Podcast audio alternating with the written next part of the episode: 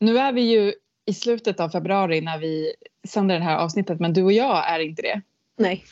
Vi har precis firat inbolk. Ja helvete alltså. Fan vad nice det var. ja, jag är så nyfiken på, på hur du har haft. Alltså jag har haft, oh my god, det har varit så magiskt. Ska Alltså, du börja? Du, du la ju till ut värsta fina filmen liksom. På ert altare och allting. Det var ju Ja. asproffsigt. Ja, vi, vi har börjat så här. När vi har tackat och avslutat ceremonin, då bara nu får vi filma. det är så fint, man vill liksom fånga det. Men eh, ja, gud vad magiskt det var. Det var ju typ fullmåne också nu och det var bara varit... Alltså jag var helt omtumlad efter den här ceremonin. Jag kände mig verkligen så, du vet, som, en, som att jag inte hade någon hud och bara jätteskör och bara gråtit jättemycket. Fast så skönt, du vet. Jag känner ofta så med Bridget, liksom, den gudinnan som vi firar på Inbolk ofta, att jag kan bli så här hållen och liten och få vara det en stund med henne. Jag låg liksom, en del av ceremonin så, så spenderade jag i en ek. Fysiskt i en ek. För den hade som en form, den bildade som två stammar. Och så Mm. bara blev det som ett U mellan de där stammarna som jag kunde ligga i i fosterställning. Som en liten vag, som en vagga liksom av en ek. Åh, du och träden liksom. Ja men du har ju också fucking liksom tände ju upp ditt Bridget-altare i december så du har väl längtat lite. Ja, verkligen. Men det var någonting speciellt alltså här. Alltså, det var så... den- Det är verkligen solstrålar så där som det ska vara på inbolk och liksom frost i gräset samtidigt. Och eh, att de här liksom sköra, sköra lilla första ljuset. Mm. Wow. Det var jag och min prästinnevän, alltså som ett litet fragment av ett coven. De flesta är inte på Gotland, men, Mm. men vi är två i alla fall. Men jag antar att du hade mycket mer ja, stor men ni grej. verkligen ställningarna för här covern, det vill jag ge er. Mm. Det Men alltså, och vi håller ändå de som inte är där. Alltså, vi håller Ja, alltid plats för dem i det. cirkeln. Liksom. Men jag förstår det, det är det jag menar liksom att, att det är där. Så att, och det är väl det som är ett cover, att man kan komma in och komma ut liksom. Ja, men herregud, det är inte som att de är borta bara för att de har flyttat någonstans. De är Nej. alltid väl- välkomna och det vet de. Vad gjorde ni då? Åh, ja, alltså det, jag har ju kanske inte varit den som har liksom upplevt och deltagit i ceremoni utan skapat och också deltagit såklart. Men vi har alltifrån sjungit våra Maiden-sånger på den vackraste av scener mitt uppe på Lyfjabergs berg i fullmånens sken. Först var det sol och sen gick solen ner och sen så liksom möttes solen och månen så, så tog månen över. Så några liksom var i solen och några var i månen. Och sen gick vi tillbaks in till vårt liksom inomhusspace och fortsatte för att vi hade varit ute i typ tre timmar, liksom, ganska kallt. Vi har också ju varit jättemycket och jobbat med lekfullheten och liksom lekfullheten i magi. Att så här, hur kan vi med magin eh, liksom hoppa av olika föreställningar och narrativ kring vad magi är. Och sen har vi också, och det var jätte, jättefint, vi, eh, vi tog oss an och eh, rengjorde en naturkälla. Jag jag berättade lite om liksom The Fisherman King-sagan där de här Maiden of the Well som brukade ta hand om vattendrag och så, hur de blev skändade en gång för länge sedan i den myten. Och att det är lite så här prästinnornas uppgift att ta hand om de här källorna. Och vilket jag också tänker är en stor del av prästinnans arbete, att liksom vara i service till gudinnan och Moder Jord handlar ju om verkligen alla dess riken och en sån här praktisk handling med naturen gör ju att jag vet inte, det blir så här heligt förbund på något sätt. Mm, mm. Okej, eh, men min hemliga fråga till dig är faktiskt eh, så här. Vilken försvunnen civilisation känner du att du tillhör? Eh, Okej, okej, okej. Ja, men då säger jag nog... eh, Då tänker jag så här, The Swamp People of Avalon. Det finns ju en sån myt om att, eller myt, det, det finns också faktiskt eh, så här arkeologiska fynd så att man har hittat gamla såna här spänger, alltså spång, spångar, jag vet inte pluralformen. alltså såna här trä, trä liksom gångar genom de gamla marshlands, gamla träsken runt Glastonbury, runt eh, Avalon. Eh, där folk kunde, eh, liksom, det var nog folk som levde där och kunde ta sig fram genom träskmarken eh, i forntid. Wow, ah, det finns lite proof också på det alltså. Ja, det gör det. Ja, men det, det de har funnits, liksom. men sen så kanske de har myto mytologiserats också som så här, ancient mm. magic people. De har jag liksom eh, fascinerats av och eh, när jag har varit i Glastonbury så har jag rest lite grann och tycker mig ha fått glimtar av det där. Ja men det, ja, men det är väldigt, väldigt svårt här och eh, och, hitta, och välja en sån civilisation. Alltså. Eh, jag tror fan inte att jag vet vad jag ska svara riktigt. Mina svar blir mer sådär helt sådär eh, liksom fiction, typ att såhär jag tror att jag skulle ha valt vanorna. Ja, men det kan du väl välja. Det, väl, ja. det, det, får väl vara lite mytologiskt. Det måste ja, det får inte vara så här, har de funnits liksom. Mm. Och då hade jag valt vanorna liksom för att de har sin fertilitetsmagi och sin eh, blodsmagi och sina eh, helande sånger och läkegallrar. Och det verkar ha varit ganska nice liksom och, och enkelt att vara en van. Mm. Mm. Ja, men det, det, känns som att du har pratat mycket om den så här, bronsålderscivilisation. Kan det ha funnits någonting annat? Ja, det, så här, det finns ja. den. Liksom. Ja. Men liksom, det är väl en förhoppning man har att liksom mm, att säga ja men vad fan alltså. Mm. Tänk, så jag, bara, jag går ju bara och väntar på nästa arkeologiska fynd som bara mm. så här var det. Medan jag bara drömmer om att klafsa runt i träsk helt enkelt. Ja, men du kanske anar varför jag ställer just den där frågan. Berätta. det är dags för dagens eh, avsnitt Love, Light och läskigt.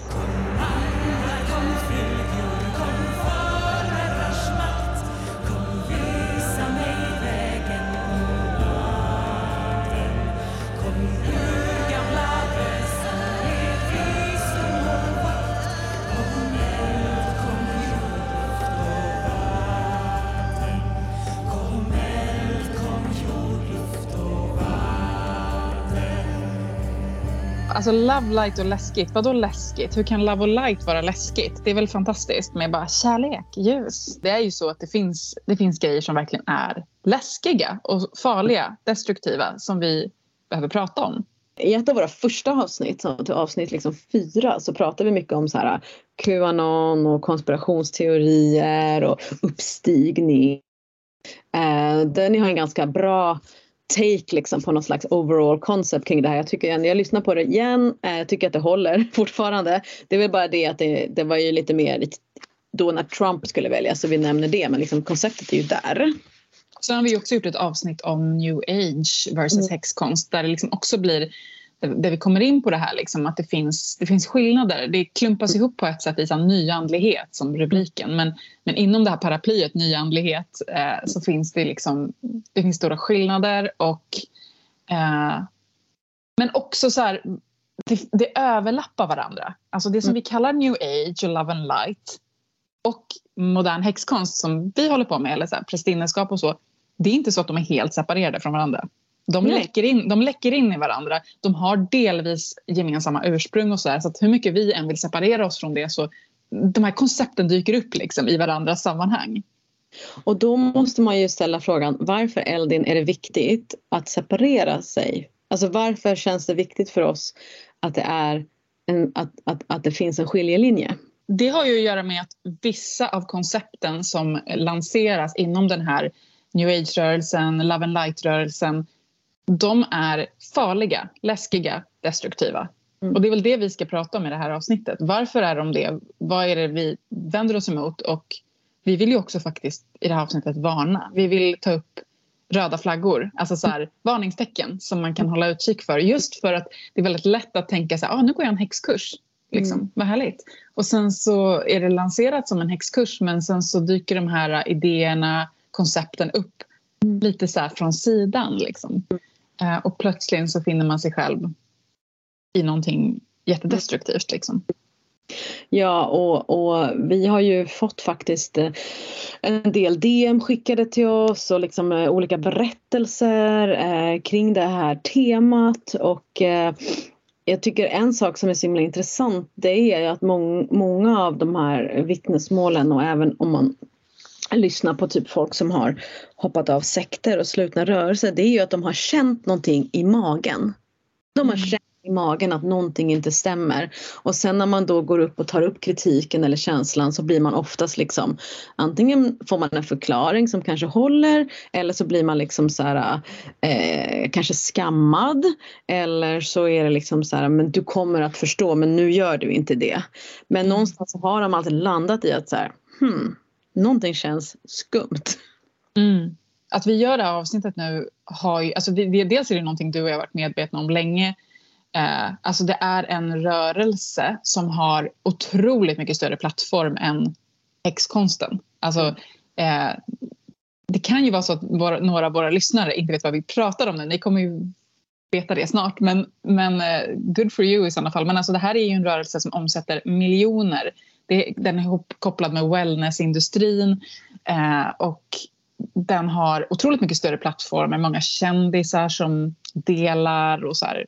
Mm. Medan vi i häxvärlden är lite mer fringe. Liksom. Vi, det, det, är inte, det är inte riktigt lika mainstream. Liksom. Så jag tänker att det, har också, det är också en anledning till att vi känner att det är viktigt att ta, ta upp det här därför att det är det här är, liksom, det är, det är ett samhällsproblem. Det är otroligt många, och särskilt kvinnor, som, som utsätts i den här världen. Liksom. Ja. Och, liksom, och jag tänker att vi bara kan säga från början typ att så här, det här handlar inte om vad, alltså vad trossystemet är. Nej. Alltså tro på vad som helst. Änglar och demoner eller svampfolket eller vanorna. Alltså trosystemet är inte någonting som vi har något problem med överhuvudtaget. Utan det eller vad man kallar sig egentligen sådär ja. heller. Om man vill kalla sig healer eller medium eller häxa. Så det är så här, you do you. You do you. Och eh, vad vi, liksom, vårt fokus här är ju så här, eh, men det här beteendet. mm. Och metoderna kring eh, hur man arbetar. Eh, mm. Det är det som är problematiskt för det är det som är så här, eh, sjukt eh, farligt och läskigt. Eftersom till stor del så bryter man ner individen. Mm. För att sen kunna bygga upp den med sina egna tjänster, sitt eget ljus, sin egen kunskap, sina egna produkter. Och tar man inte det, köper hela konceptet, då är man fortfarande kanske eh, inte klar eller fast eller mm. eh, i mörkret eller din demon eller entity har tagit om dig. Eh, det är inte Guds vilja och så vidare. Och, och, att vi liksom gjorde det här avsnittet just nu det är ju också, alltså det har ju vi har ju fått så otroligt mycket DM och kommentarer från folk som också har verkligen bett oss bara snälla berätta om det här. Alltså folk måste få veta liksom. Eh, och berättat sina historier om hur de själva eller deras närstående har liksom, ja, men fastnat i en så otroligt destruktiv spiral. Liksom. Och det är verkligen inte bara ett konto, det är faktiskt många konton och eh, det är mycket större utomlands men det växer sig stort här också. Helt mm. enkelt. Och vi, vi har ju tänkt liksom i det här avsnittet att vi, att vi inte kommer, vi kommer inte så säga akta er för det här kontot, akta er för den här personen. Eh, och det är ju väl dels för att, för att det finns en reell risk för att bli anklagad för förtal om man gör det. Eh, ja och det är någonting som är bra att tänka på för alla som lyssnar på det här avsnittet. Att, att liksom, eh, mm, även om man vill varna folk liksom, så att det är bra att akta så att man inte själv råkar illa ut då. Nej, nej det, alltså det, det gäller i Facebooks alla grupper, slutna grupper också. Alltså alla grupper eh, så gäller det liksom om man anklagar någonting för någonting och eh, den, då, ni, då, kan ni bli anklagade för förtal och då behöver ni ha total bevisföring, inte bara en känsla. Liksom. Och det här säger jag baserat på att jag var jätteaktiv under eh, samordningen med metoo-upproret och det var fem stycken som blev dömda på grund av just det här i slutna grupper där man trodde man kunde prata. Eh, så att, var försiktiga, tänk på formuleringen. Man kan varna folk på olika sätt och ni kan vara påhittiga men, men, men verkligen prata med, med admin i olika grupper, se, kolla om, ja men liksom, nu har ju folk skickat till oss, det går jättebra.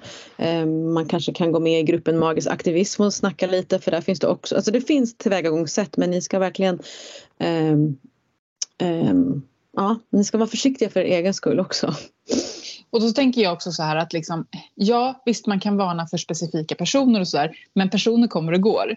Ja. Eh, det är också bra att lära sig känna igen varningstecken. Mm. För det dyker upp nya personer. Liksom. Och det räcker liksom inte riktigt att lära sig så här, bara att okej, okay, akta dig för den här personen. Utan vad är det för typ av beteenden, för typ av terminologi, sätt att uttrycka sig som mm. är, som är destruktivt. Mm.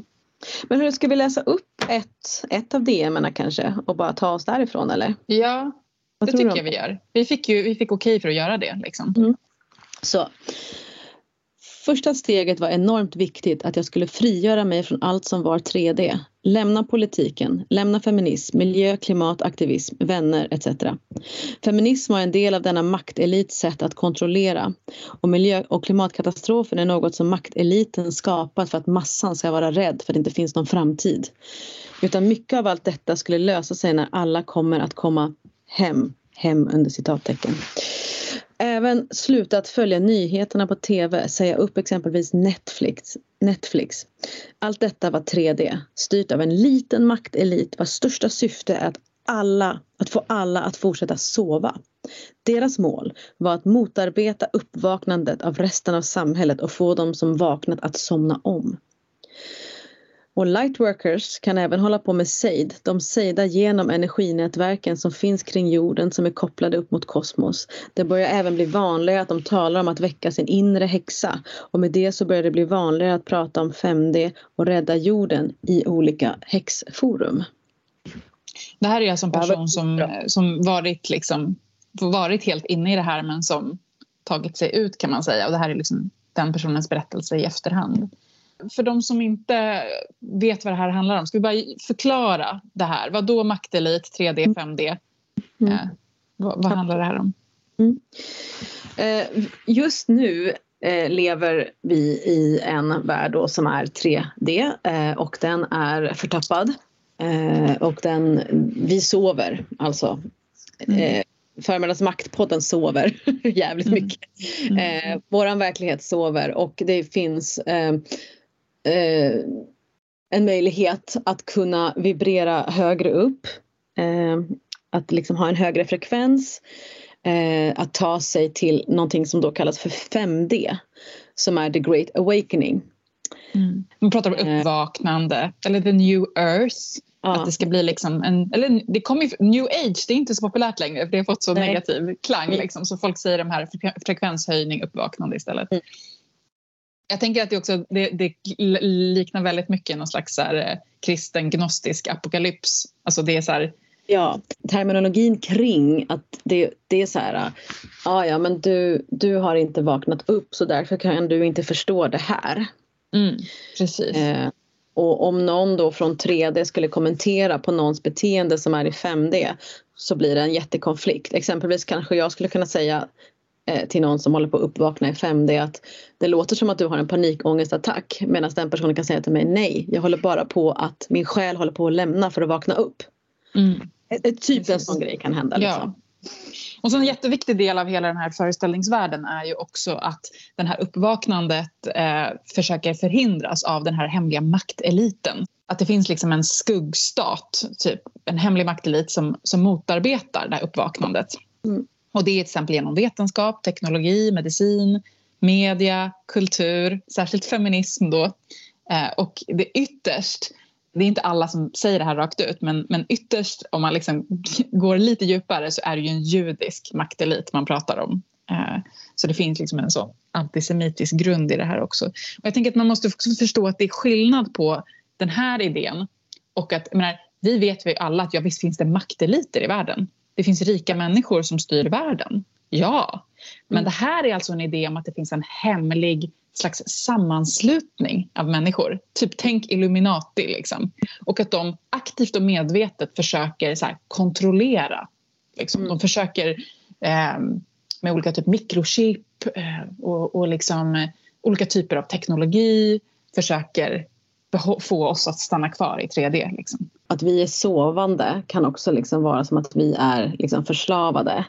Eh, och att våran liksom, själ kommer aldrig vakna upp och vi kommer stanna här. Och därför är det typ saker som man kan använda som retorik är ju typ att vaccin är någonting som får oss att stanna kvar här. Eh, eller även annan medicin, liksom. Eh, medicin för olika diagnoser. Att mm. just diagnostisering typ på eh, autismspektrat det är ju någonting som också får oss att stanna kvar här. Eh, så det är, eh, jag tror att eh, eller jag inte tror, utan det är inom då de som arbetar med 5D så är det nog inte alla som har hela take på vad det är för tradition som de faktiskt kommer ifrån. Um, Nej. Det, folk har ju velat ständigt uppvakna. Innan New Age så var det liksom New World och nu är det New Earth. Alltså så här, den här strävan Eh, att lämna denna värld. Att inte stanna kvar här och arbeta för den här världen för den här världen är inte verkligheten. Mm. Det, det finns ju i jättemånga världsreligioner så det i sig är ju inte...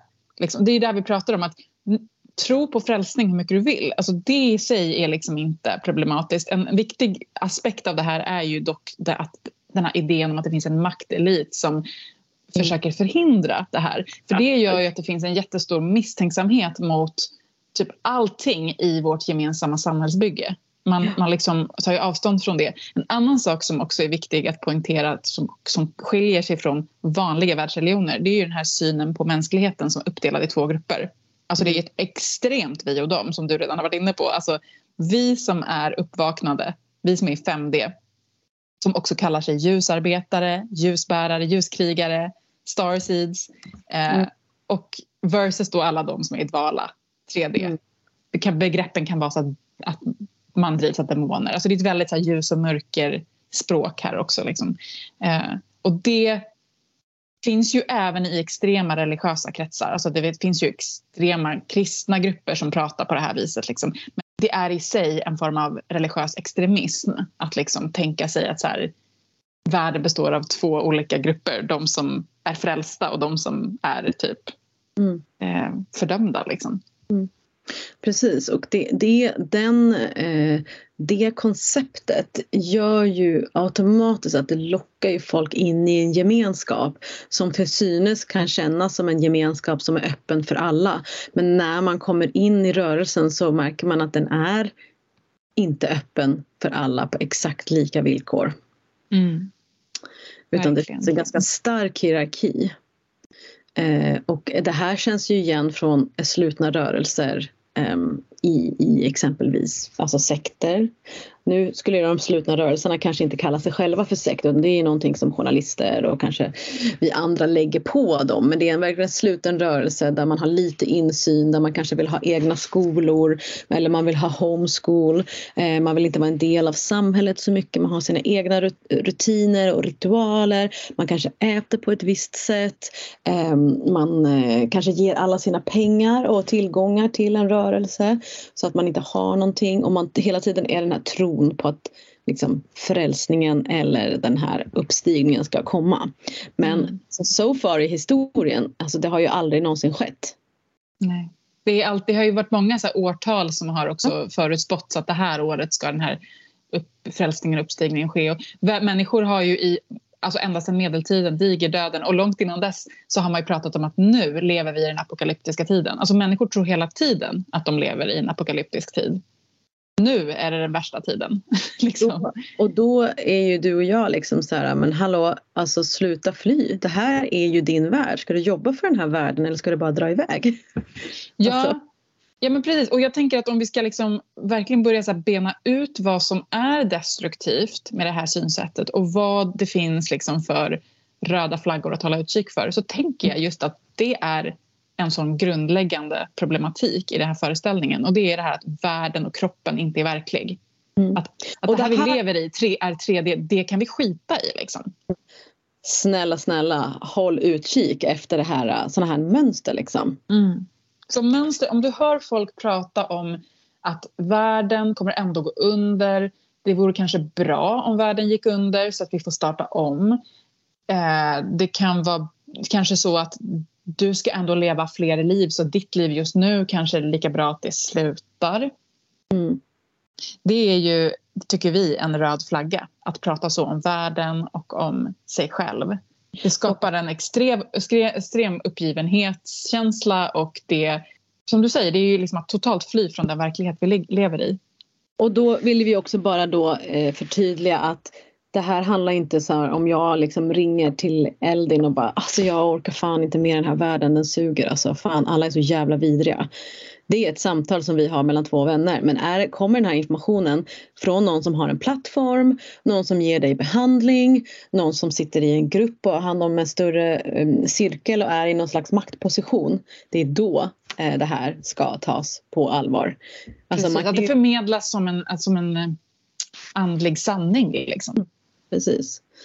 Eh, och eh, då, då är det verkligen att, att eh, ja, eh, lyssna absolut, det kan vi inte förbjuda någon att göra men eh, vad säger magkänslan och liksom, eh, ställ kritiska frågor. Alltså hur ska det gå till? Vad är det för plan som finns på Restart? Vi, vi sa, du sa ju innan så att folk får tro vad de vill men alltså när det gäller den här tanken att li, ditt, människors liv här på den här jorden, jorden spelar ingen roll för att man ska ändå födas om och man ska ändå starta om det är inte en trosföreställning som jag överhuvudtaget kan ställa mig bakom. Liksom. Det finns ju delar av den här gruppen, alltså andliga ledare inom den här gruppen som har uppmanat folk att inte ingripa vid självmord. Mm. Till exempel. Man ska liksom inte störa med sina egna energier på den här själens eh, resa.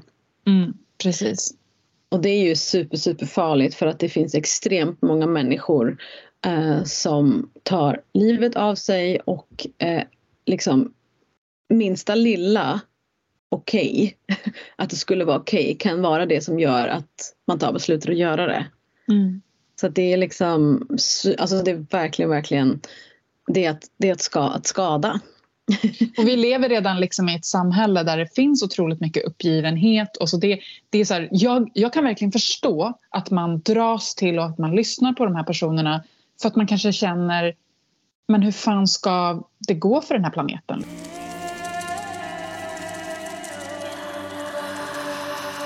Vi kommer ju i slutet av det här avsnittet prata lite grann om om man känner sig till exempel sån här hopplöshet. Att man bara, ja men det är ju ändå kört. Liksom. Då kan jag väl lika gärna tänka på någon reset. Vi, vi kommer också prata lite grann om alternativa sätt att liksom förhålla sig. Mm. Um, men men att ge upp om människors liv och Moder Jord är inte ett hälsosamt alternativ. Nej, alltså verkligen inte. Och det, det, det, det är mycket här som också är röd flagga som handlar om skrämsel och rädsla. Ja, ja. det känns som att det är det hela den här rörelsen baseras på.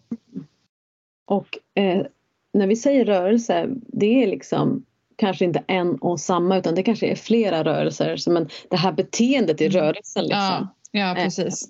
för att eh, det skulle kanske vara så här om man tar en, en större liksom, eh, frikyrka eller sekt som nu i flera årtionden har varit liksom up for grabs. Liksom. Typ, nu finns ju inte Knutby längre så jag kan nämna det kanske. Eh, men att typ att någon går med i Knutby då är det så här, oh my god vilken panik. Men om, om någon bara är med liksom i något liksom mm, litet sammanhang där man eh, jobbar med energimedicin och healing och mm. det är så mysigt. Eh. Det, det, är så här, det behöver inte vara organiserat så på den nivån. Eh, utan det kan vara små rörelser och det är ändå en del av en stor rörelse. Men ja, eller hur? För att saker och ting ska liksom fördrivas. Precis, alltså, om man, den röda flaggan är liksom ett språk kring att så här, det finns någonting i dig som är eh, farligt, mörkt, som måste liksom bort. Och det kan användas olika språk om det. Det kan ju vara liksom att det är låga energier. Eh, det kan vara att det är orenhet kanske, eh, låga vibrationer. Och vissa pratar också om att det är demoner. Jag tänker också på hela spökrörelsen. Att mm. det, är, det finns någon liten överlappning där i att liksom att eh, folk är så himla rädda för spöken, eh, vad hemsökthet, att det liksom är... Alltså det finns en bransch som drivs av människors rädsla. Liksom. Mm.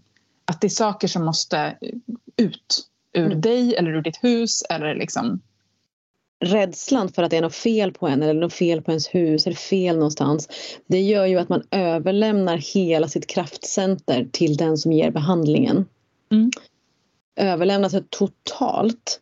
Och här vill jag, eh, jag vet inte, vi har inte hunnit prata om det, men, men jag gör ju mycket behandlingar själv och här vill jag verkligen sätta ner en fot för det är många som kommer till mig och säger så här Åh, när ska jag komma tillbaka så kan du jobba vidare? Man bara jag kan inte göra någonting för dig. Jag blir typ så här provocerad. Alltså förlåt nu alla som har kommit till mig men ni vet vad jag har. Jag har varit väldigt öppen med det här. Men jag så här, det är du som är Alltså du gör ju jobbet liksom. Det är inte, jag kommer inte fixa dig eller någon annan kommer fixa dig. Och här har man lite grann ett eget litet så här, ansvar själv och den som ger behandlingen har ett ansvar att säga men vet du vad, alltså det här kommer du greja typ. Vi kan väl se som ett halvår, inte så här du måste komma tillbaks för att bli renad och vi ska fördriva det här onda ur dig om tre veckor. Det är ju det som vi, det här är ju verkligen en stor, stor röd flagga i den här branschen mm. som mm. vi har fått så många vittnesmål om. Och det är just det här när folk, alltså jag tänker att om folk hör av sig till dig och säger så här, det här händer ju att folk hör av sig i ett DM på Instagram och säger eh, hej, jag har fått till mig att du bär på en mörk kraft men jag kan hjälpa dig med den. Swisha så här mycket pengar. Liksom. Mm. Eh, det kan också vara att du går till någon som du mm. själv tar initiativet Mm. tar en healing och så säger personen ah, jag märker att du har väldigt tunga energier. Du måste nog komma hit i alla fall tre gånger till för att annars så kommer inte jag kunna få bort det här. Mm. Alltså det är aldrig okej. Okay.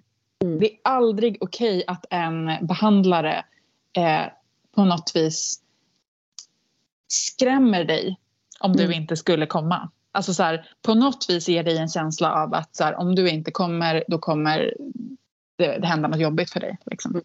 It's not, it's not true. Eh, och skrämselpropaganda att eh, oj, du kommer nog dö om eh, sex år om du inte gör det här. Alltså det... det... här låter ju helt sjukt men det här är ju based on reality. Det här är ju saker som händer. Folk som... Eh, också, alltså det, ja. ja. Nej men alltså det är ju eh, personer som mår dåligt på olika sätt, fysiskt eller psykiskt utnyttjas. Mm. Eh, verkligen av det här. Ja, det är många av de här som också, om man kollar på deras hemsidor så, så marknadsför de sig med att så här, har du depression, ångest, ADHD, autism, homosexualitet? Mm. Lider du av homosexualitet? Ba, eh, vänta nu, det, den, sjuk, den, som sjukdom så togs det bort 1979 om jag inte minns fel. Liksom. Ja. Nej, men allt det här kan ju då fördrivas. Liksom. Mm. Mm. Om du kommer tillräckligt många gånger. Liksom. Och det är lätt att skämta om det så här men alltså det är just det här för att, för att människor kanske mår otroligt dåligt. Och om någon då liksom säger att så här, jag kan hjälpa dig i det här men då måste du komma och du måste betala så här och så mycket. Liksom. Vi kommer att prata i slutet av programmet vad man skulle kunna göra, liksom, i, i vad, vad, man, vad, man, kan ha för alternativa vägar. Liksom. Ja, så det allt det här vi säger nu det är ju så här, men allting bygger ju på att, att ja, människor mår dåligt, människor känner otrygghet. Så att det är liksom, eh, det är väl också vår pods på något vis liksom, mission att kunna så här, berätta andra sätt att förhålla sig, bidra med en annan form av trygghet. Liksom. Men, men det kommer i slutet av podden. Nu kör vi röda flaggor. Röda flaggor är också och varning. wellness, alltså wellness liksom, industrin. Vad är mm. den egentligen? Det är en jävla mischmasch av allt möjligt liksom. Och det finns mycket gott i wellness också. Det är bra att, få, alltså, att man kämpar för att folk ska må bra, att folk ska må bättre. Men det är som att så här, det börjar i kanske lite kost och lite träning och sen är det liksom någon, någonting mer och sen någonting mer och sen helt plötsligt så har man liksom fångat sig själv i att man bara måste ha den här sprayen som renar ens aura eller just den här halsbandet eller eh, du måste göra de här övningarna innan frukost annars så, alltså så här, det är en mer light form av fördrivning.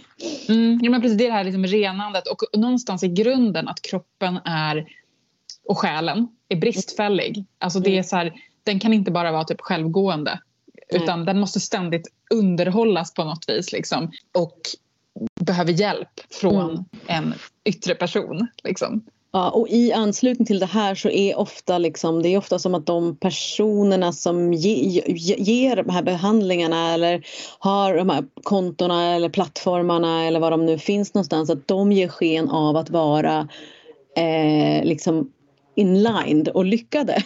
Alltså mm. gör du så så kommer du se ut så här och bli så här och känna så här. Jag ja, precis. Det är sällan att de delar med sig av så här, sina skuggsidor eller liksom bjuder på skörhet. Liksom. Men verkligen inte. Utan det är så här, jag mådde, ofta en berättelse, ett narrativ som är jag mådde dåligt men så gjorde jag det här så nu mm. mår jag bra och är bara i ljus. Liksom. Mm. Precis.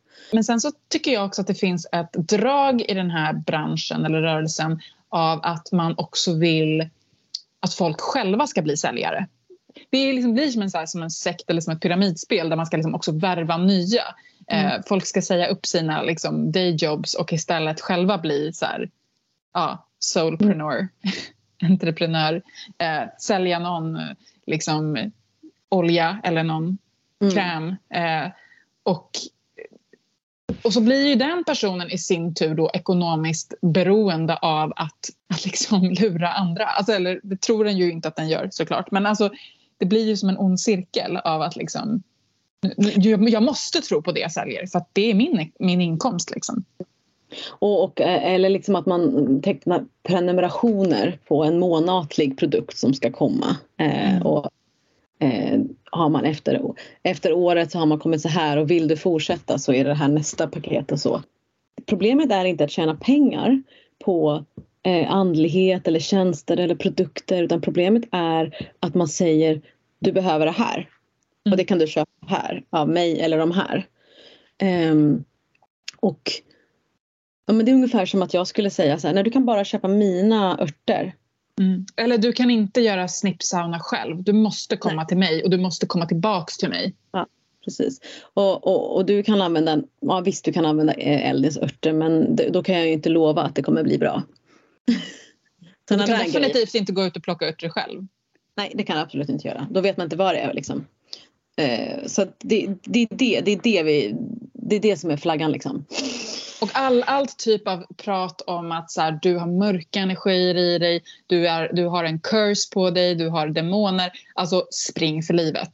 Det, är, ja. och det, det liksom handlar inte om som, att man inte får tro på att demoner finns. Men det handlar om att försöka sälja saker genom skrämsel. Det är inte etiskt. Nej.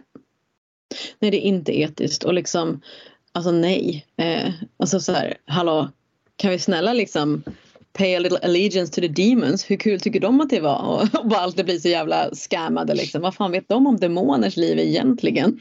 Ja. För var kommer den här tanken ifrån kring demoner? Ja, den, alltså, ja, den kommer ju från kristendomen, eller vadå? Exakt. Ja, det är det jag menar. Det kommer från kristendomen. Liksom, att det är då, eh, då har vi ju liksom gått in i eh, att totalt bara så fortsätta ett gammalt eh, narrativ. Ja, gud ja. Och, men, och det är det här jag tänker att allting, allt det här bygger ju på att så här, ja, men människor går runt och är rädda. Och känn, rädda, otrygga, känner liksom, man har smärta, man har ångest, psykisk ohälsa. Och eh, det, det, är ju verkligt. Och vill man kalla det för demoner, fine. Men jag måste säga att jag, igen, så här, jag lägger mig inte i vad folk tror. Men jag tänker att man kan fråga sig själv, är det här ett användbart språk? För mig? Mm. Får det mig att må bättre? Mm. Gör det att jag blir av med de här jobbiga sakerna eller mår jag ännu sämre? Mm. Alltså man kan Precis. bestämma sig för det. Man kan bestämma sig man för att nej, jag vill inte använda de här orden. Jag vill prata om det på andra sätt. Jag vill prata om att så här, nu kommer Haggan och utmanar mig. Eh, mm. liksom. Och vad kan mm. hon lära mig? Kan jag kanske kan mm. prata med henne istället för att det är en demon jag ska driva ut. Liksom det är olika sätt att förhålla sig till det. Och nu gick jag redan in på hur man kan tänka istället. Men, men man, är, man vill ju säga det men det är därför jag sitter och bara jag ska, I'm gonna jag håller på det. men också så här, en annan röd flagga är ju då att eh, det som den här personen eller rörelsen, eh, plattformen säger är då baserat på någon slags andlig auktoritet. Ja, och det, blir, det är ju det här att det blir helt, det sa du innan, det är helt omöjligt att säga emot. Därför att om den här personen ja. säger, men jag förmedlar ett budskap från eh, Moder Maria. Eller jag mm. förmedlar ett budskap, det här är inte jag som säger, det här är ärkeängeln Gabriel som förmedlar genom mig. Eller den här och den här gamla shamanen eller den här och den här utomjordingen. Eller, det finns också det här mm. Akashic Records som är så populärt. Jag kollar på mitt Guilty Pleasure Bling Empire på Netflix och då går de hela tiden till såna Akashic Records readers. Som är någon form av så här, man tänker sig att det är som ett magiskt bibliotek som finns i någon dimension. Där man kan läsa om allt som har hänt och allt som ska hända. Så man kan läsa om sitt egna... Om någon då säger att jag ser i dina Akashic Records det här och det här.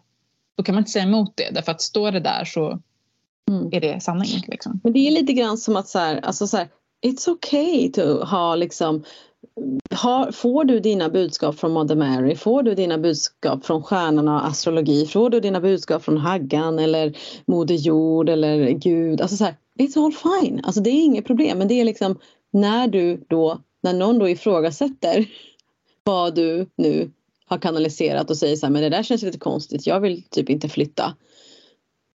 Då kan man inte säga så här, du gör som du vill men eh, så här har ju gudinnan sagt. Kritiken vi kommer få att oh, man får inte tro på någonting förutom det som Elden och Ruby säger. Nej, fuck that. Tro på vad ni vill men alltså förstår ni skillnaden i retoriken. Alltså så här, Tracka går... inte på det på någon annan. Det är det Nej. som är på något vis grund... Om man inte ska förstå någonting annat än vad just det så är det så här, ta emot dina budskap från Mother Mary liksom. Men var jävligt försiktig med att förmedla dem till någon annan därför att den alltså jag tänker att även om man inte uttrycker sig så här du måste tro på det här för hon har sagt det så mm. måste man vara försiktig. Det är ett jävla ansvar att säga att man talar med sån auktoritet. Mm. Därför att en person i en utsatt position mm. kanske känner så här, men jag måste nog flytta för Mother Mary sa det. Liksom. Eh, så för det är så här, i, i, i den här verkligheten så är det så här, ja men nu har pastorn sagt att vi ska flytta församlingen dit. Det har ju hänt flera gånger. Eller nu, ja, ja.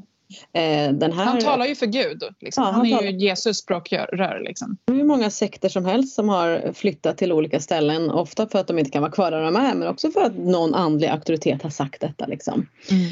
Eh, alltså så här, jo men eh, liksom eh, Starseed, alltså, eller Atlantis eller liksom Lemurien, alltså deras eh, gamla prästinnor. Alltså det finns hur många som helst eh, Ancient Civilization som talar igenom. Det finns också den här föreställningen om att det är vissa av oss på den här jorden som är så här, speciellt andliga. Alltså oftast är det ju det här begreppet starseed som används som betyder att man tänker sig att vi, vissa av oss är egentligen utomjordingar. Eh, vi har kommit hit och vi är då så här, vi, vi, har liksom, vi har på något vis vilande i vårt DNA den här potentialen till 5D och vi, vi är här på jorden för att sprida det här budskapet. Mm. Eh, alltså, det är narcissistiskt, tycker jag.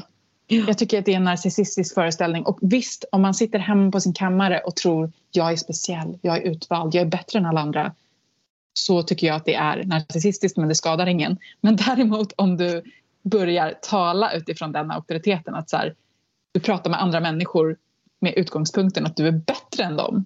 Eller att du kan hjälpa, din kunskap kan hjälpa dem. De behöver... Precis, du har någon annan visdom än dem. De är i lägre de är i 3D, de är lägre. Liksom. Alltså jag tycker det är så problematiskt. Och jag förstår igen att människor som känner att livet är jävligt tungt, att det är fantastiskt att tänka sig så här, det är tungt därför att jag är egentligen inte en människa, jag är egentligen där och därifrån.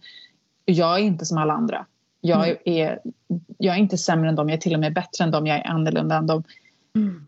Det är lockande liksom, men Ja, jag tror att risken är att man bara kommer längre ifrån andra människor då. Liksom. Jag skulle säga det är en defragmentering eh, av liksom, saker och ting. Och, och jag menar, jag, jag själv är ju ett, eh, ett barn som alltid har och är fortfarande som vuxen. Jag älskar att dagdrömma och fly och komma bort och fantisera om saker och så vidare. Eh, det, det återigen där, det beteendet är helt okej. Vi säger ingenting om det utan vi säger vad blir det när du tar det till nästa steg. Eh, mm. för att efter, alltså, det här, också, det här finns det ju jättemycket forskning på, liksom hur sanningen förändras och hur gränser uppluckras. Har man sagt en sak tillräckligt många gånger så kommer det ju bli så att jag tror på det här och det blir sanningen och så vidare. Mm. Så jag menar du och jag, det här med kanalisering, alltså det, är ju, det är ju en metod som du och jag också använder. Vi kanske kallar... ja, det, är liksom, det har ju folk gjort sedan Seidens tid ja. i forntid. Liksom. Alltså völvan kanaliserar ju. Liksom. Mm. Och då har man ju extremt ansvar när man lär sig eh, Said, när man lär sig transsättning. Alltså det, är stor, alltså det är ju typ en jätteviktig del av kunskapen kring det här.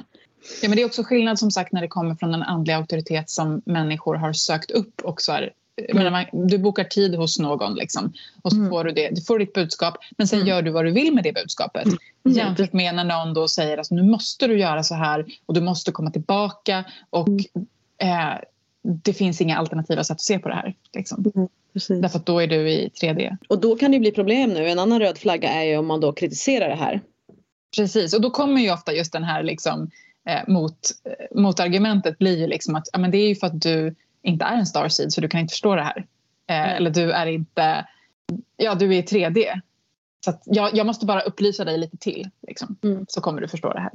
Eller att man, att man, det är många vänskapsrelationer som bryts Och Mm. det är ju också väldigt vanligt i slutna rörelser och sekter att man inte kan ha kontakt med omvärlden. Mm. Alltså det blir mer och mer strikt, mindre och mindre umgänge, eh, mer och mer bara liksom för slutet sällskap liksom. Mm. Eh, och det är ju jätte, jätte, jätte sorgligt att vänskap behöver brytas liksom. Men alltså, känner man att man har kritiserat och blir utfryst, där någonstans så, så är det också magkänslan igen här. Mm.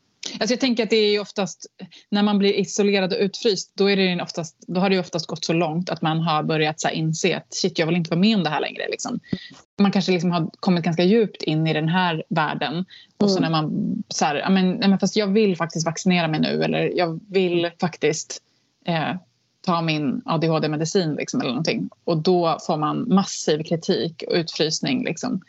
Ehm, Och en vanlig metod här också i, i det här, eh, eh, liksom, någon har kritik, det kan ju vara att så här, eh, jag använder mig då om, det, om, om jag använder mig av tekniken att jag ger dig jättemycket uppmärksamhet Eldin och tycker du lovebombing. Ja, lovebombing. Och sen när du har gjort något dumt, då har jag bort det direkt och så vänder jag mig mot någon annan. Och Mm. du får ingenting av mig men den andra personen får allting. Och sen så kan jag säga till dig att så här, ja men du kan säga förlåt. Så, eller du kanske kan släppa den där kritiken. Så, och då ger jag tillbaks lite av min lovebombing så känner du det här ljuset igen. För alla vill ju vara en del av någonting och vara älskade liksom. Mm. Men det är egentligen jätte, jätte hotfullt och jätteaggressivt. Precis. Och, och liksom, om man då dessutom har börjat skära av kontakten med andra människor då står man ju då plötsligen utan både lovebombingen från den här gruppen eller så och sina äldre vänner. Liksom. Då står man helt ensam. Så det, är ju, det kan ju bli otroligt utsatt. Liksom.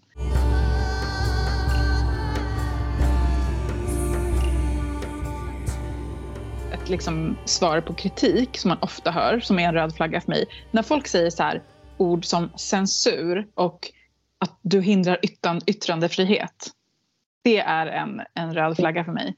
Alltså att kritik, att jag säger så här, men vänta nu, det här tycker inte jag är okej. Typ det du och jag gör just nu. Mm. Folk, det, I den här gruppen skulle hela vårt det här avsnittet skulle kallas för att Elin och Ruby censurerar oss. Mm. De vill hindra vår yttrandefrihet. Mm. Och det är ju inte vad de orden betyder. Så Nej. de orden används ju bara som en slags liksom, verktyg för att Mm. folk reagerar ju negativt på det såklart och känner så här, nej jag vill inte censurera någon. Oj, yttrandefrihet det är ju en av de gr- mänskliga rättigheterna. Jättehemskt om, om jag begränsar den. Men det är ju inte det Mm. orden betyder. Censur och yttrandefrihet det handlar ju om att liksom fysiskt förhindra och förbjuda någon. Alltså så här, vi förbjuder ju ingen, vi kan ju inte det. Vi har inte makt att förbjuda någon. Nej. Vi, vi, vi, vi, vi nyttjar vår yttrandefrihet just nu. Det är liksom det. Ja. Jag, jag tror att det här med att, man, att den här gruppen direkt hoppar till så här, censur, yttrandefrihet. Det har ju att göra med att man tror att den här makteliten finns. Mm. Alltså, man Precis. tror, de, de tror ju att, eh, att det faktiskt finns en liten maktelit, som, en här typ ockult judisk maktelit som sitter och bestämmer så här att ha nu så stänger vi ner den här Twitterkanalen. Liksom. Att det inte är Twitter som bestämmer det bara för att det här var helt sjukt inlägg utan det sitter en grupp. Liksom. Och då någonstans så blir det ju så att man får den här äh, världen är emot mig-tanken hela tiden. Alltså där det blir ju en slags konspiratorisk paranoia att man går runt hela tiden och förväntar sig att bli nedstängd. Liksom, för att... Ja. Eh, Men också unik eftersom Mm, världen är mm. emot ens. Det är vi mot världen och då stärker det här bandet ännu mer och eh, då kan man jobba ännu mer och då är det ännu viktigare att jobba ännu mer för rörelsen eller communityt eller då är det ännu viktigare liksom att se till att man får in eh, liksom whatever, liksom, flera själar eller cash liksom och så vidare. Jag har ju en ongoing, alltså jag har en granne som är med i, i Jehovas, alltså vi pratar, var, han frågar mig varenda, liksom, inte varenda månad för han är lite gammal men han liksom frågar mig förut varje månad och kanske var tredje, fjärde månad liksom om, om jag kanske inte har funderat på att ändå följa med. För han tycker om mig så himla mycket. Han tycker att jag ska få följa med och jag bara känner så mycket kärlek. Eh, han är ju väldigt påsidig men han har ändå respekterat att jag inte vill eh, haka på. Liksom. Det är inte så att han, Mm. han håller inte på att skrämma mig och skamma mig och berättar hur illa allt, dåligt allt kommer gå utan han berättar för mig om sin tro. Och det kan jag ju säga så här, nej men snälla gör inte det mer, jag vill inte. Eller så väljer jag att lyssna på det men jag känner ju inte att han hotar mig. Men det som jag tycker är lite sorgligt med det där det är ju att eh, det är ju också, liksom, Jehovas vittnen tränas ju i hur de ska Ja, så. prata. Och det är ju såklart att han är tränad att inte vara påstridig. Däremot är han ju tvingad att, av sin grupp att föra de här samtalen. Jag tycker det är så synd för han är nästan 90 år liksom. Man har ju liksom inom Jehovas vittnen så måste man ju bedriva mission. I en, alltså du Ja. måste kunna liksom nästan loggboksföra så här, hur många har du liksom, eh, missionerat för den här veckan. Liksom. Och det, det i sig bygger ju på då att om du inte gör, det här är skrämseln igen, om du inte gör det här, vad, vad händer då från gruppens sida? Liksom? Det är sorgligt. Nej, men det, och det här att, liksom att när man då inte vill göra som gruppen inte vill, alltså då, dels förutom det som du sa nu så är det också då att, eh, men att du är, alltså du, you don't, you don't have it. Alltså du har, du klar, har inte vad som klarar kanske, du kanske är lågt vibrerande. Mm. Du kanske är liksom, det kanske är det här som är din pat. Du kanske får stanna i den här relationen som är skadlig för dig. För att du, måste ha, du har någonting att lära dig här. Din själ ska lära sig. Mm. Eh, så förstå vad den är med om. Så därför tycker jag att det är bra att du stannar kvar i den här relationen där du eh, mår dåligt. Och kanske Mm. till och med blir liksom, psykiskt eller fysiskt misshandlad. För din själ har inte kun, den kan inte vibrera högre ännu.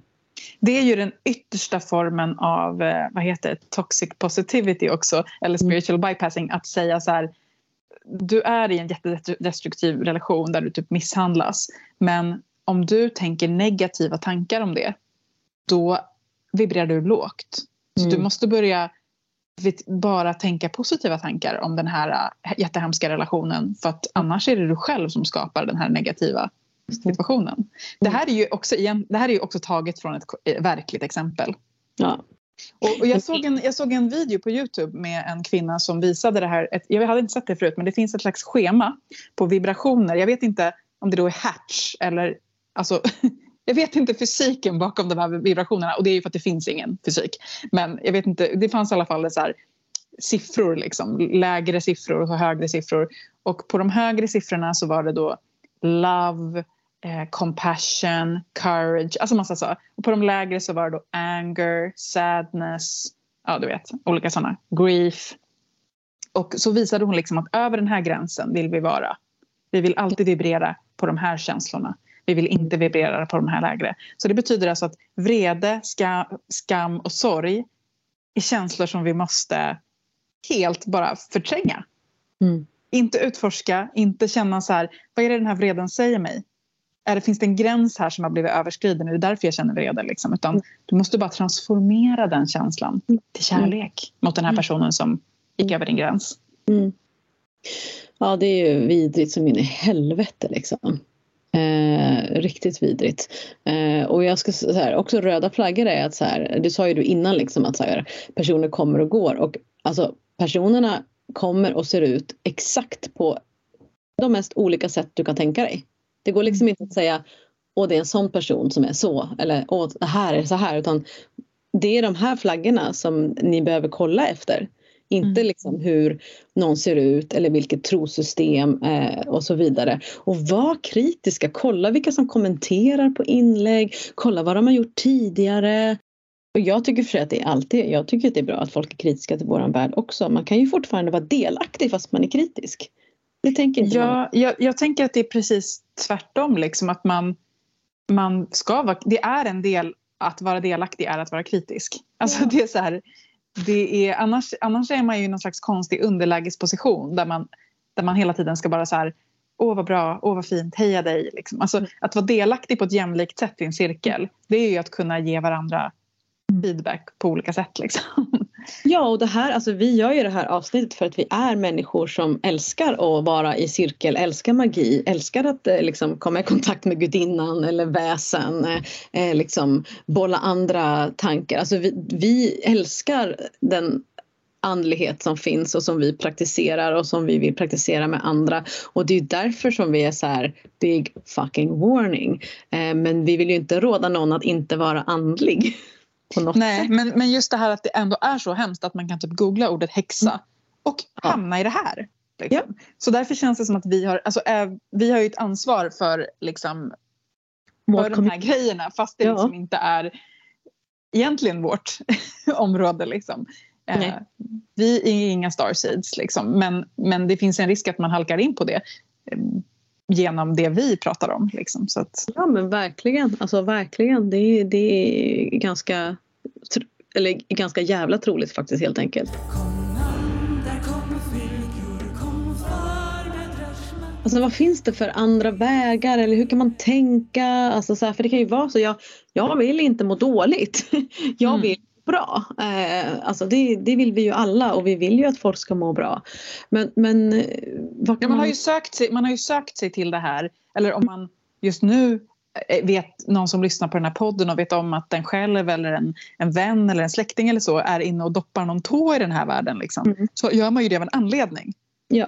Precis. Därför att man, man, liksom har, man söker någonting och ofta är det baserat i, i liksom att man har någon form av lidande eller man känner sig ett utanförskap, man känner sig inte trygg. Liksom. Mm. Och att bara då säga nej, nej, nej, akta er för det här. Ja, mm. men vad ska man göra, fan ska man göra istället liksom? Men alltså jag tänkte, jag skulle vilja säga en sak om det här med demoner och spöken. Mm. Eh, första grej här. För att jag, jag, mm. jag, jag äh, möter ju det ofta liksom att folk tänker att Exempelvis, en, en, det här har hänt flera gånger. Så här. Jag gjorde en ceremoni med dem och dem och efter den ceremonin så kände jag att jag fick med mig någonting och nu har jag det här eh, onda i mig. Kan du hjälpa mig att få bort det? Gud, jag har hört det så många gånger ja. också. För jag har hört det från nära vänner och, ska jag säga, jag har känt det själv. Mm.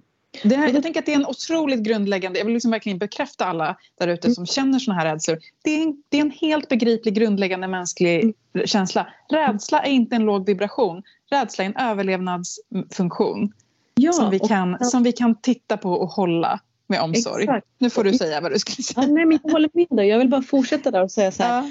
Men du, hur kändes den där ceremonin? Hur var den där ceremonin som du var på? Liksom, var det, kändes det bra att göra den eller liksom, vad var det för upplevelse? Om den där upplevelsen var Nej, men alltså jag, liksom, det var nice, jag mådde bra liksom, men sen hände det här. Jo, men då tänker jag så här. Du har gjort en ceremoni och du har haft intentioner, du har jobbat med magi. Det som du har fått med dig nu, det behöver inte vara en ond entitet utan det är någonting som pockar. Som vill öppna upp ditt hjärta eller som behöver göra, alltså du behöver liksom prata om vad någon har gjort mot dig. Du behöver göra en gränssättning eller du behöver kanske liksom ta tag i den här jobbiga skulden och skammen. Och det som kommer in här behöver inte vara en ond demon eller ett spöke utan någon som bara Hej hej, eh, här i kroppen sitter det lite så här arbete. Du behöver inte bli fri från det här, du kan integrera det. Vi har ju redan haft ett avsnitt där vi har sagt så här, i alla fall jag har sagt att jag tror på Satan som en verklig varelse. Det betyder ju att jag, menar, jag kan absolut tro på demoner också. Det, rent personligt ingenting som jag jobbar med i min praktik. Men jag förnekar inte existensen av demoner. Men det som är grejen är ju den att jag tror inte på ont och gott, ljus och mörker som två binära poler där det någonting kan vara bara, bara farligt. Precis som vi pratade om i förra avsnittet att Freja kan också vara farlig, vattnet kan mm. också vara farligt. Mm. Alltså, ja, det, kommer, det kanske känns som en jättetung och mörk kraft men ingenting är bara ont och farligt utan det som du säger, det, det kanske är liksom alltså man kan istället närma sig de här känslorna. Alltså det är väl det. Utforskare närmar sig det. Eh, eller en alternativ, ett alternativ som vi också alltid har är att säga tack men nej tack. Mm. Det här är inte för mig just nu. Mm. Alltså, det här är en jättetung grej och jag pallar inte den just nu. Nej. Och, och, så säger man bara nej och så, tänker, så, så kan man sitta bredvid och fortfarande vara med i cirkeln. Man behöver inte vara värsta utanförskapet utan bara så här, jag äger det mitt nej nu och då vill inte jag göra det här. Men just det där att man, att man, har, att man, också, man går in i det här narrativet att oj nu känns det jobbigt i kroppen, det måste vara något dåligt. Nej, alltså så här, du är redan så hård och elak mot dig själv som någon människa kan vara. Så som du talar till dig själv talar säkert du inte till någon annan. Alltså you are your worst fucking enemy och demon på ett sätt. Så kanske när du har gjort en ceremoni där du har sagt så här, jag ber om mera kärlek och självkärlek. Det behöver inte komma som ett ljus som omfamnar dig och myser dig utan det kanske är så här ett ljus, en liten elva som bara plupp, plupp, ditt hjärta är vackert och så sitter det där och det känns jättejobbigt för dig. Alltså så här, vi behöver mera nyanser eh, och mera förklaringar till eh, till vad det är att liksom eh, bli fri från lidande och otrygghet och sånt där. Det, det. det, det är det jag menar liksom att så här, vänta nu, okej det här var, det, alltså jag vet att jag har ju så här kämpat med att försöka öppna upp mitt hjärta i flera år för jag tycker det är så slutet. Och jag, när jag gör det så blir jag ju så här Nej, jag tror att jag stänger det där igen för det där var jävla jobbigt. Jag orkar inte känna så där liksom. Vad fan var det här nu då? Alltså, jag tror lite grann att vi, vi behöver liksom, vi tror att vi vet men jag tror inte vi kan lita på att vi vet exakt vad vi ska förvänta oss. Det är lite grann det jag tänker att man måste få överlämna sig lite. Om det är så att en ceremoni eller en behandlare gjorde att du kände dig trygg och mådde bra och inte gick över din gräns. Det är det jag menar nu. Då behöver inte upplevelsen sen som kom efteråt vara någonting som är en demon eller ett spöke eller entity som ska drivas ut. Däremot om den här ceremonin du gjorde var liksom hemsk och du mådde dåligt och det, det var inget, ja absolut det är ett annat narrativ liksom. Är du med på vad jag menar Elden? Ja det är jag. är absolut med och jag sitter också och tänker på det här jag sitter och tänker på den här äh, skalan som den här kvinnan visade med att love var högst upp och äh, rädsla och shame och allting var så här långt ner. Och jag tror, att, jag tror att det är det som är problemet här att man att, att man liksom tänker sig att det finns känslor som inte får vara med. Eh, och att när de, det är det du säger, att när de här känslorna, de här negativa känslorna kommer upp då är det någonting som jag måste fördriva på något sätt. Det måste vara, och det är därför vi ger det namn som demoner och spöken och liksom sådär. Men om vi istället ger dem andra namn, att vi kallar dem för vårt inre rädda barn eller någonting. Eller, och vi kanske inte ens behöver ge dem, vi kanske kan fråga dem så här, men vem är du egentligen? Liksom. Ja, vem är du egentligen? Eh, har, du ett, har du ett annat namn? Vilke, vilken gudinna är du? Mm. Eh, istället för att nar, framea dem som någonting som ska fördrivas. Eh, för då är, då är vi i det här synsättet, det här dualistiska synsättet där vissa känslor får finnas och vissa inte.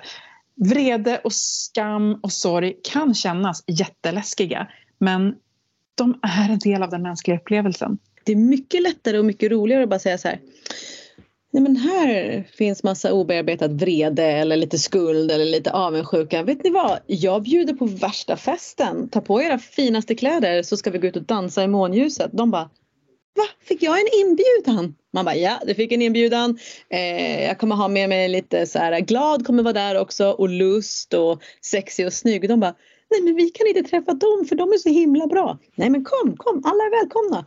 Och så mm. hamnar man på festen med dem ska se, alltså de, de är så ynkliga och skrynkliga och liksom, de vet inte hur de ska röra sig i så här rum. De vet inte hur de ska mm. dansa. Ingen som har rört dem, ingen som har dansat De ska alltid fördrivas.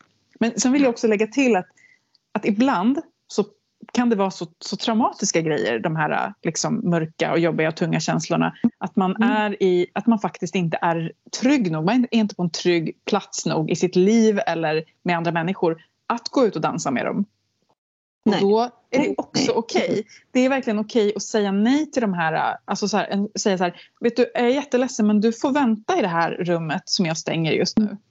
Tills jag är på en mer trygg plats där jag kan släppa ut dig och vara med dig. Liksom. Och det här kan till exempel ta sig uttryck genom att eh, Alltså jag kan ta en sån himla enkel sak som när jag, jag kan vara mörkrädd ibland. Så kan jag, har du hört något så sjukt? Mörkerprästinnan blir mörkrädd. Men liksom att så här, jag kanske sett lite för mycket skräckfilm och så blir jag lite mörkrädd. Då kan det vara en sån sak som jag bara så här, nej men eh, nu så, jag tror inte på spöken. Jag tror inte mm. de finns. Hej då. Mm. alltså bara totalt liksom så här, nej, jag säger nej till den känslan just nu. Mm. Mm. Jag, vill, jag vill inte gå in i rädsla överhuvudtaget. Liksom. Nej. nej. Man kan, jag, tycker, jag tycker det kan jämföras med när folk bara säger Men du måste åka fritt fall. Man bara, nej jag måste inte åka fritt fall. Men det är jätteroligt. Mm. Man bara, nej just nu är det inte jätteroligt. Och jag kanske kan göra det någon gång men just nu, jag åker inte fritt fall. Alltså jag är värsta benhård eh, på nöjesparker liksom. För jag tycker det är så jävla läskigt med de där grejerna. Och då, nej nu är, nu är det inte dags. Men jag säger inte att jag aldrig ska göra det. Men nu ska jag inte göra det. Och folk är bara så här, jo, jo, jo, det är kul, kul, kul. Alltså man behöver ju vara lite stark här. Eh, för folk kommer inte acceptera att man säger nej, inte nu, eh, mitt trygga rum eh, är inte här. Det är så här, oh, men är det någonting jag kan göra för dig? För det här? Så bara, nej, men nej och nej och det är okej. Okay. Don't take it personal. Mm. Nej, men för jag tänker när man liksom hänger lite grann på så här, typ som spökforum och sådär då, då, då, märker man ju väldigt snabbt att, att det blir så här, alltså det blir en så här rädd och upphetsad stämning som jag totalt känner igen mig i. Att alla bara “men gud nu blinkade min lampa, ja oh, men min med, oh my god”. Mm. Alltså, så här, man kan liksom bara så här, nej men nu backar jag lite grann från den här eh, räd, det här rädslonarrativet. Liksom. Därför att till slut så ser man saker överallt som man blir rädd för. Liksom. Ja, men 100% alltså. Ja, men det är också det, det är en, en, en eh, väldigt klassisk gammal eh, övning. Han är en, mm, ja, en teater guru kan man väl säga. Eh, han hade en övning för skådespelare som var att man eh, liksom, eh, menade att om du står på stället och bara rör dina armar fram och tillbaks som om du skulle springa. Eh, och sen börjar du bara långsamt röra dem fram och tillbaks och sen så lägger du eh, huvudet över axeln långsamt och sen när du ökar upp den här Eh, öka upp dina armar och lägg eh, din huvud över axeln. Efter ett tag kommer ditt hjärta börja slå. Och du kommer bli rädd för du har varit jagad. Din kropp minns liksom. Mm. Så att det är ju verkligen superviktigt att se till att här är det trygga liksom. Mm. Eh, så jag tror också så här, att att återknyta kontakten med kroppen, det är väl egentligen det vi säger nu. Liksom. Alltså, vad, mm. vad, vad inte är... distansera sig från de känslor man känner Nej. och sådär utan vara med kroppen. Men alltså för all, allting i den här ideologin, Love and Light-ideologin handlar ju om att distansera sig från vissa saker som känns eh, liksom mm. 3D. liksom. Ja. Så att, att, om man känner, och, och, då tänker jag liksom att om man känner sig så här man, man liksom känner sig, jag vill fly från den här världen, allting är så hemskt. Det kanske känns kontraintuitivt men att faktiskt tvärtom återknyta. Att börja liksom mm. vara med den här jorden, den här Åter, kroppen. Återförtrolla världen. Mm. Mm. Istället för att jobba jättemycket med Starseed Energy liksom, som är i någon helt annan planet, något annat solsystem någon annanstans. Gå ut och umgås med träden här och nu. Nu är jag så otroligt trädbiased, men okej, säg något annat då. En sten. Nej, men alltså vattnet, vattnet. naturen. Alltså Grässtrån. Ja, alltså naturen. Det är väl det du egentligen säger här. Liksom. Ja, ja. Då är det så här, jag, vet, jag, har, jag har också fått genom åren ganska många som men nu hittar man en cirkel. Alltså, ja, det går inte för mig. Jag har försökt göra det här men det blir inte och ingen vill komma. Alltså, så här, jag, jag vet, eller du och jag vet att det är svårt att hitta en cirkel. Men vad är en cirkel? Jag menar du beskrev precis nu att ni var två personer i er cirkel. Mm. Mm. Alltså, så det behöver inte vara tio pers som är så här BFFs and do everything together. Alltså, alltså det, det, vad är din trygga plats? Alltså jag, min egen lilla coven, jag har inte ens en coven som du men de som jag gör med den är pyttis. eh, men sen har jag valt liksom att jag eh, jag har liksom gått från att vara den otryggaste av alla till att bestämma, jag liksom, det låter så här, åh nu ger jag värsta råden, men jag gör inte det. Men någonstans så bestämde jag mig för att jag hellre ville utgå från att jag var trygg. Just det. Eh, tills någon annan, tills jag visste att jag inte var det. Och då det hade jag det jag menade också med det här med att inte gå runt och leta efter tecken på otrygghet. Liksom. Exakt, exakt. Att så här, det finns ingen anledning varför de här människorna skulle inte tycka om mig. Eh, inte göra mig, alltså det, det, finns inte det. Det finns i mitt huvud såklart och det är sant. Men ingenting av det de, alltså vad är sant i det här rummet just nu? Alla har bara sagt så här, hej och välkommen, vill du ha lite te? Eh, mm. Alla delar på samma villkor. Så alltså, vad är min sanning i mitt eget huvud? Och vad är sanningen i det här rummet med min kropp? Mm. Mm. Och det är inte lätt. Alltså jag säger inte att säga att det är lätt, alltså det är skitsvårt. Men någonstans så måste man också så här, What if I was loved? What if I was safe? Liksom. Mm. Eh. Och det är väl det som är liksom... När, för när man söker sig till de här sammanhangen så är det ju just för att man söker en cirkel liksom, och söker ett, ett sammanhang. Men då är, alltså det handlar ju om att hitta ett sammanhang där man är accepterad som man är med mm. även sin sorg, sin smärta, sin vrede, sin skam. Mm. Alla mm. de här äh, förbjudna låga vibrationerna.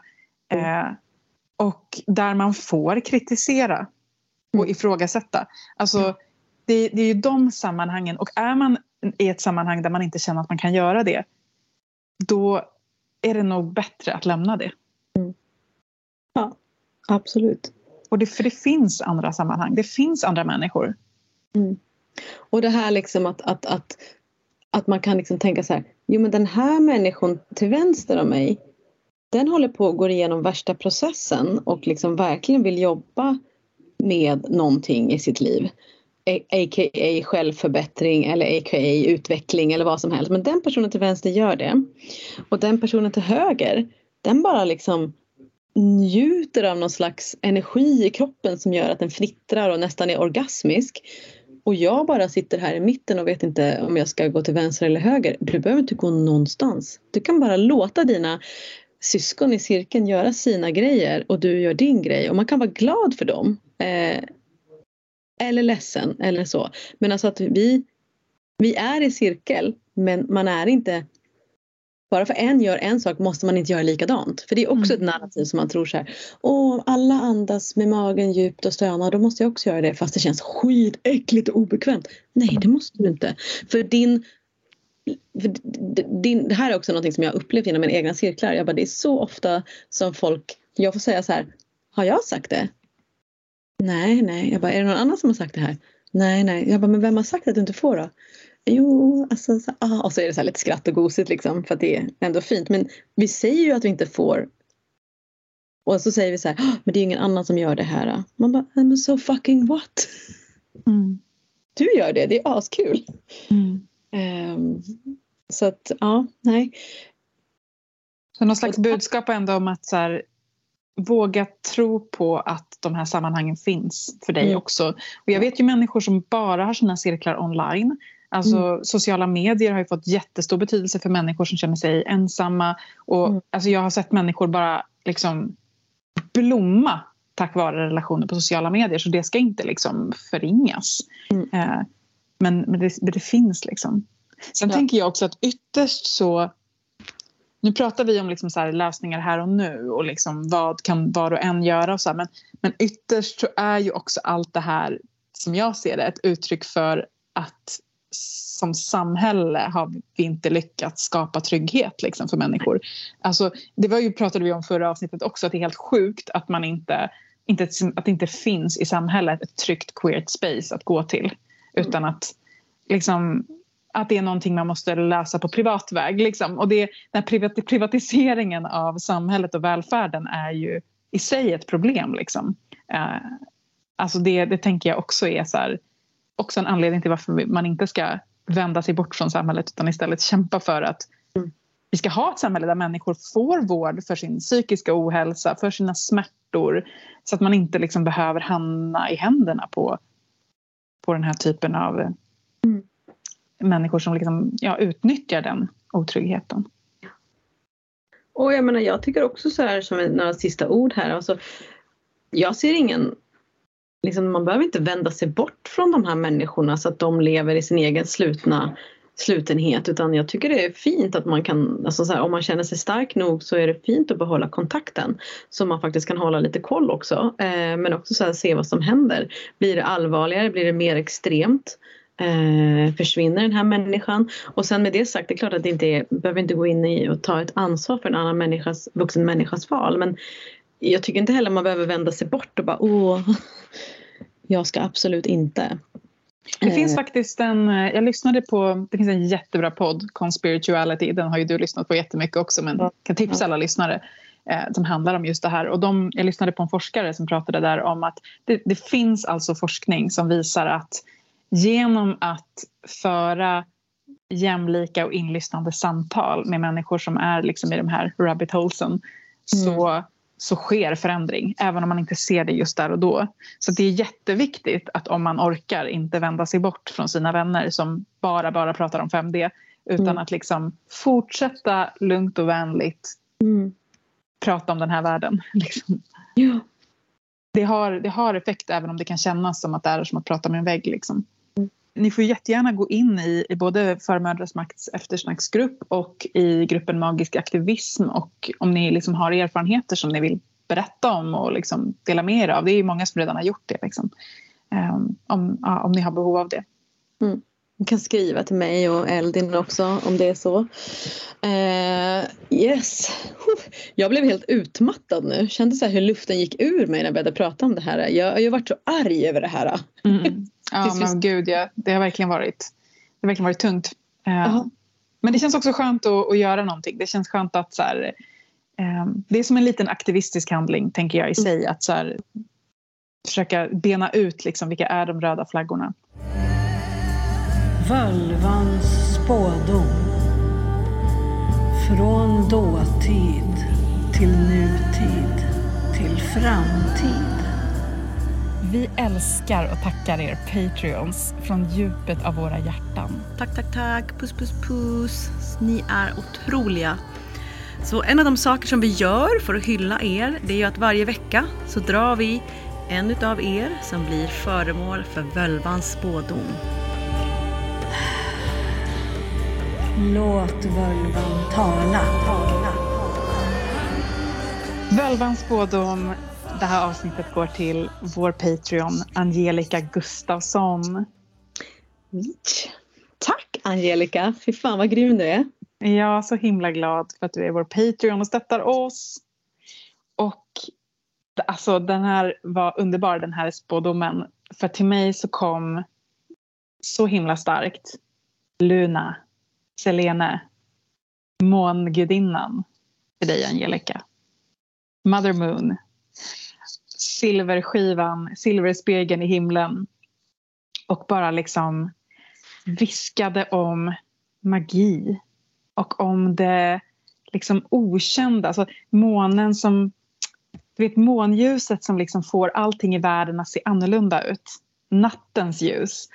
Det här lite blåa ljuset som gör att men, världen ser inte riktigt ut som den gör i dagsljus. Det är liksom det okända som finns. Eh, det är det ordlösa, det dolda. Allt det som kanske inte har fått komma fram i ljuset, det som inte vågar sig fram. Kanske just de här skuggorna, eh, de här lite mystiska varelserna i, vä- i världen men också i oss själva. Och att månen tillåter det här lite mjukare ljuset, allt det att kunna få komma fram. Sen förknippas ju månen också med eh, ord som lunacy och lunatic, alltså galenskap är förknippat med månen. Luna betyder ju måne. Eh, och mer med det djuriska, man tänker mycket på så här, varulvar förvandlas i månskenet. Så där. Och, och där är vi ju inne på just den här rädslan som vi har för mycket av det som finns i mörkret. Eh, och där, det är väl också därför som månen är häxans allierade på många sätt. Liksom, för att det är ett ljus som lyser på de här skuggorna och som vi allierar oss med och umgås med istället för att bli skrämda av. Mm. Mm. Och att fråga dig Ruby vad du har för relation till månen känns ju som att då får vi ha ett helt avsnitt. ja, ja, det kan vi faktiskt ha. Bra idé. Men Angelica, jag, håller ju verkligen, jag tänker verkligen på det som, som Eldin säger här just att, att um, vad händer när vi tillåter månljuset eh, att lysa in eh, i alla skrymslen och vrån och gömda ställen? Och vad händer när vi också accepterar månens liksom, mörkermånefas där ingenting Mm. finns? Och vad händer när vi också ser den här första liksom, skärvan på himlen växa? Liksom, verkligen att förkroppsliga, att bli ett med månen, det är jätte, jätte vackert och starkt. Och en sak man kan göra rent, rent fysiskt är ju verkligen att bada i månljus. Att Mm. liksom eh, låta, alltså hur känns det i kroppen att bara stå eller ligga i månljus? Mm. Eh, och också skåda i månljus kan man göra. Alltså så här, skåda ner i vattnet som månen lyser på eller skå, alltså så här, Världen kan visa sig på ett annat sätt. Och sen så tänker jag ju lite att eh, liksom Selene Luna, att hon var ju alltså dotter till titanerna så att hon är ju liksom inte, alltså hon är ju innan Olympus och hon är väldigt Mm. gammal liksom. De här urkrafterna liksom. Ja, urkrafterna verkligen. Eh, så jag tänker att det är någonting liksom Ja, verkligen urkraften i dig att låta att liksom varje liten del av din kropp få en del av, av, av eh, hennes ljus och Mm. hennes Mm. Mm. Åh, fint. Gud, vilket passande, passande völvans spådom för just det här avsnittet. Ja, det blev ju det. Ja. Vi har lite mer godbitar till Patreons. Ja, alltså det här är, det här är en mäktig grej. Nu är det sådär som att man vill ha det själv. Berätta. Jag har pratat med Therese på Riot Lab Och eh, Riot Lab är ett svensk, en svensk butik, eh, klädmärke, men eh, också väldigt mycket olika attiraljer i sin butik. Den finns online, riotlab.se. Och eh, hon har ju då gett, alltså fan vad fett alltså, ni måste bara gå in på Instagram och kolla vad som finns inne just nu för det kommer nya grejer hela tiden. Eh, men det är väldigt häxigt. Väldigt häxigt. Det är ju, alltså jag har ju spannat in den här äh, tygpåsen med Amanita där det står small but mighty. Mm. Men sen har jag hittat en till dig också. Oj, Det är typ idé. Ivy. Det är Ivy och månen fast det kanske också är en räv. Men det spelar typ ingen, alltså det, det är typ samma tänker jag, Ivy räv. Eh, och så står det så här Wish upon a star och så är det lite Amanita. Åh, gud vad fint. Men det är också Ja, men- jättemycket kläder och smycken och det finns rökelse, det finns så här, ljus, alltså små ljus i olika färger som man kan använda till magi, eh, Mm. tarotlekar, alltså det, är- det finns jättemycket saker där. Så att någon, alltså, som sagt 20 procent på det, det är ganska, det kan nog Ja, passa hallå. på om man behöver fylla på av någonting hemma. Verkligen och inte bara 20 procent utan eh, hon, hon har ju också erbjudit sig att lotta ut en överraskningslåda till en Patreon. Ja, det är den som jag blir jätteavundsjuk på. Ja, men vi har redan gått igenom det här att du får inte vara med och inte jag heller nej, nej, Nej, precis. på utlottning. Så alltså varsågod alla Patreons på lovernivå uppåt. Ni kommer få 20% koden på Patreon och vi kommer också låta ut vinnaren där då, av Riotlab. Eh, överraskningslåda. Finns på Instagram. Eh, gå och kolla in. Mm, mm, mm. Mm. Alltså jag bara älskar att vi kan ge tillbaks lite grann till våra Patreons på det här sättet. Det känns helt jätte, jättekul, verkligen. Ja, Ja. Men hallå, jag håller på att missa mitt flyg. Sluta prata med mig. Flyg, flyg iväg. Så gör vi oss redo för, här i Sverige för att börja öppna upp för Ostara nästa högtid. Ja, exakt. Kanske jag ska liksom bara flyga tillbaka sen och eh, komma till en komma till en liten ö som jag älskar i, i Östersjön och till en person som jag älskar och kanske ta en liten drink på en Jag har uteservering. faktiskt redan eh, försökt manifestera det med min Starseed Power att du ska göra det. För jag fyller ju år i mars och förra året så hade vi så himla kul på min födelsedag. Så, jag har, så att, det här var inte du själv som kom på, det var min magi. All right. puss puss. Puss puss, hejdå!